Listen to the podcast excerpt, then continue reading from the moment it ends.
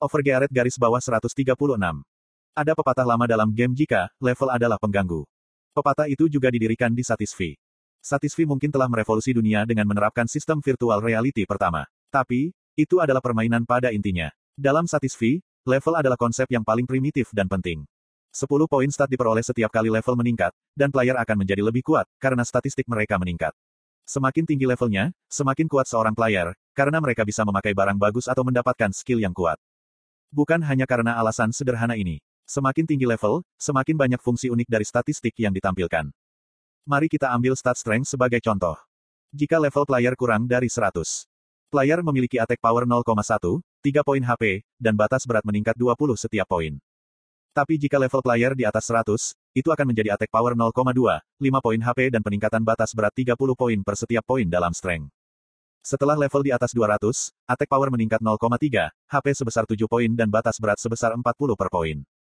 Dengan cara ini, efek dari statistik meningkat setiap 100 level. Ini disebut kebangkitan statistik. Efek dari kebangkitan statistik sangat besar. Jadi, semakin tinggi levelnya, semakin baik efeknya. Namun, itu hampir tidak ada hubungannya dengan grid, yang memiliki kelas legendari. Hanya level 170 yang mampu merobohkan empat ranker di atas level 200, dan membunuh puluhan Griffon yang level 260.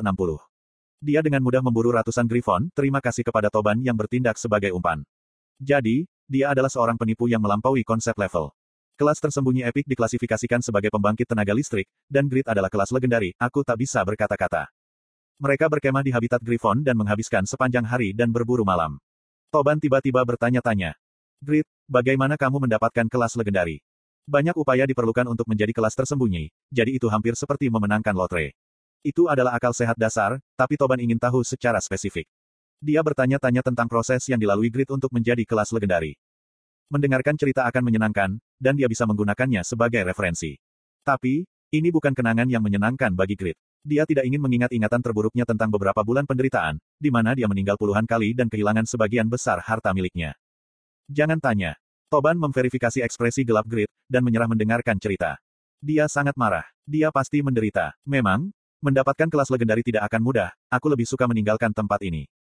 Mereka telah berburu di habitat Griffon selama empat hari terakhir. Sementara itu, Grid telah memperoleh 10 level dan mencapai level 180. Ada perasaan, jika Grid ingin mencapai level 200 di sini. Tapi sulit bagi Toban untuk menanggungnya. Selama empat hari terakhir, dia tidak memperoleh XP atau barang apa pun. Dia terpaksa memakai Malakus, Kloak dan bertindak sebagai umpan, sementara Grid menuai semua hadiah. Posisi nomor satu di peringkat Paladin yang telah dijaga dengan kuat selama berbulan-bulan, mungkin diambil oleh peringkat kedua Damian. Toban gugup tentang ini dan diminta. Grid, Mari kita berhenti berburu sekarang. Apakah kamu tidak harus menyelesaikan kuesmu? Harem. Grid bermasalah. Habitat Griffon memberi banyak XP. Jadi, dia ingin tinggal di sini sampai level 200. Perbedaan antara level 180 dan level 200 sangat besar. Tapi, itu keputusan yang tidak masuk akal. Butuh 4 hari untuk mendapatkan 10 level. Butuh setidaknya 8 hari untuk mendapatkan 20 level. Tapi, aku enggan untuk menunda itu selama itu. Sejujurnya, dia merasa sedikit kasihan pada Toban. Dia memperlakukan Toban sebagai budak. Tapi, dia mulai merasa menyesal, setelah satu atau dua hari. Dia seorang serdadu, sehingga dia tidak bisa melayani lebih lama lagi secara gratis, akan baik untuk mengakhirinya di sini. Itu adalah hari ketika dia merasa menyesal telah mengambil keuntungan dari seseorang. Dia bahkan tidak pernah membayangkannya. Aku harus lebih tangguh, untuk bertahan hidup di dunia yang keras ini. Mengapa Tuhan membuatnya begitu naif dan baik? Grit merasakan beberapa kebencian terhadap Tuhan, ketika dia membuat persiapan untuk pergi. Ayo pergi. Oh. Seru Toban. Dia lega, akhirnya bisa melarikan diri dari bertindak sebagai umpan Griffon. Sekarang saatnya, pergi ke Order of Judar. Grid ingin menyelesaikan kues ini dengan cepat. Toban ingin mendapatkan kembali kebebasannya. Kemudian, kedua orang itu tiba di Judar Sanctum, dalam waktu kurang dari sehari. Toban berhenti di depannya. Pemimpin Pascal membidik Set Holy Light. Mungkin dia akan memusuhimu. Mungkin ada perkelahian, tapi jika demikian, aku tidak akan bisa membantumu. Apakah kamu mengerti? Aku terbiasa bertarung sendirian. Grid tidak terlalu khawatir. Bagaimana bisa pemimpin Order of Judar lebih kuat dari Paus? Dia pikir dia akan menang, jika mereka bertarung. Tapi sebelum itu, dia harus memeriksa statusnya lagi. Kenali dirimu, sebelum mengenal musuh. Status window, petik 1. Nama. Grid. Kelas. Pakmas Descendants. Level. 180. 140.090 per 5.531.200. Titel. Who Become a Legend, First Unique Item Creator, only who create legendary item, Night Slayer, Apostle of Justice. Health, 29.560 per 29.560. Plus 7.000. Mana, 3.240 per 3.240. Strength, 1.584. Stamina, 962. Agility, 417. Intelligence, 439 plus 200. Flexibility, 984. Perseverance, 498. Composure, 364. Indomitable, 414. Dignity, 364. Insight, 664. Courage, 308. Stats point, 0. Berat, 25.519 per 57.480. Kelas, Pakmas Descendants. Asteris peluang menambahkan efek tambahan, saat membuat item akan meningkat. Asteris kemungkinan peningkatan item akan meningkat. Asteris semua item peralatan bisa dipakai tanpa syarat. Namun, denda tergantung pada peringkat item. Title, Who Become a Legend. Asteris kondisi abnormal tidak bekerja dengan baik padamu. Asteris kamu tidak akan mati, ketika HP minimum. Asteris mudah diakui. Title, First Unique Item Creator. Asteris Flexibility plus 200. Title, Only Who Create Legendary Item. Asteris Flexibility plus 350. Title, Night Slayer. Asteris Stamina plus 100. Asteris Strength plus 30. Title, Apostle of Justice. Asteris semua statistik plus 10. Asteris Courage of Unbreakable Justice. Detail kemampuan. 1. Attack Power. Base. 325. Item. 412 sampai 579. Tambahan. Asteris Pakmas Swordsmanship level 1, deactivated. 20% attack power tambahan. Asterisk God Dominion's Blessing. Attack power tambahan 15%. Total attack power, 995, 1220. 2. Magic Power. Base. 220. Item. 100. Tambahan. Tidak ada.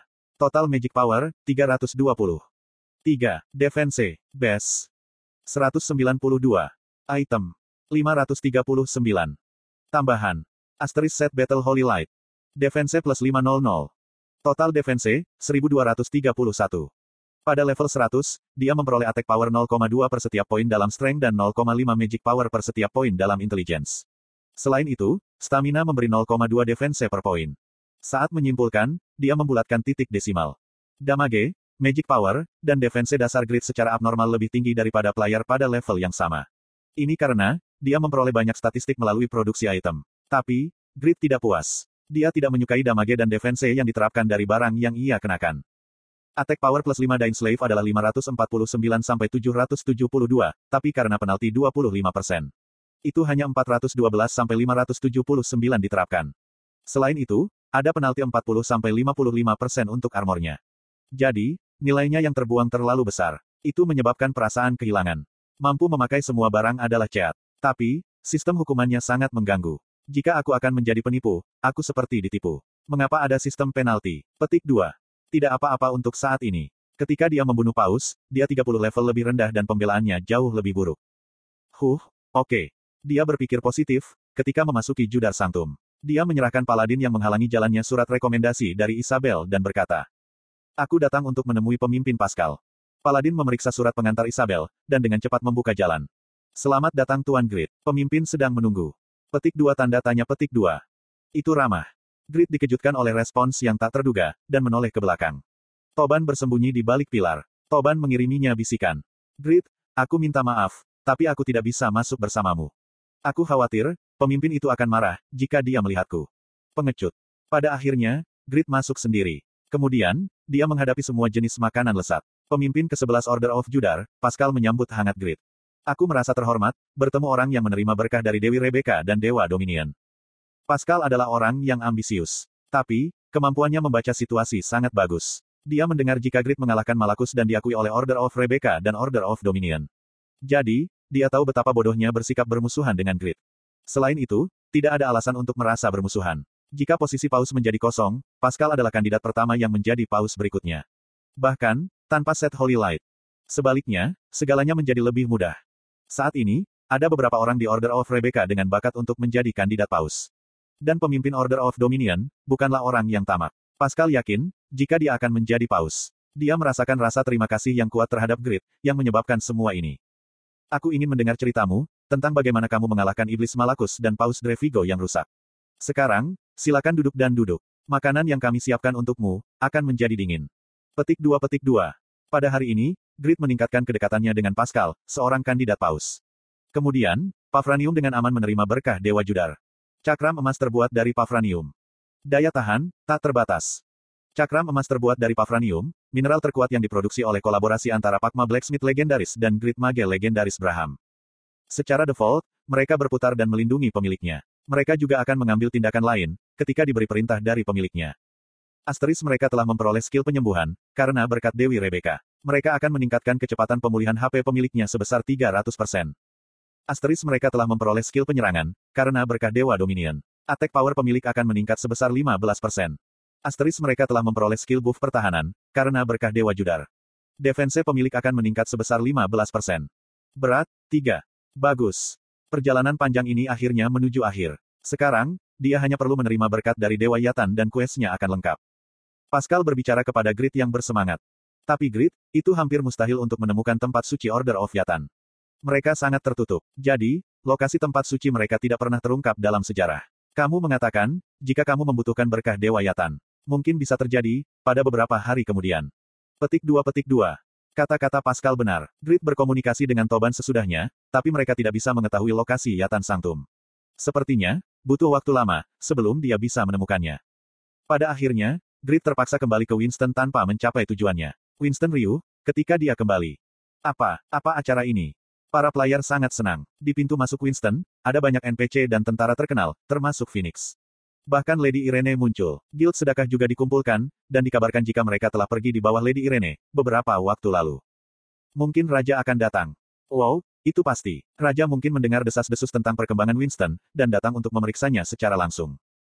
Tidak mudah melihat Raja suatu negara. Ada desas-desus, jika hanya melihat seorang raja dapat menyebabkan efek positif pada statistik mereka. Seberapa spektakuler prosesi itu?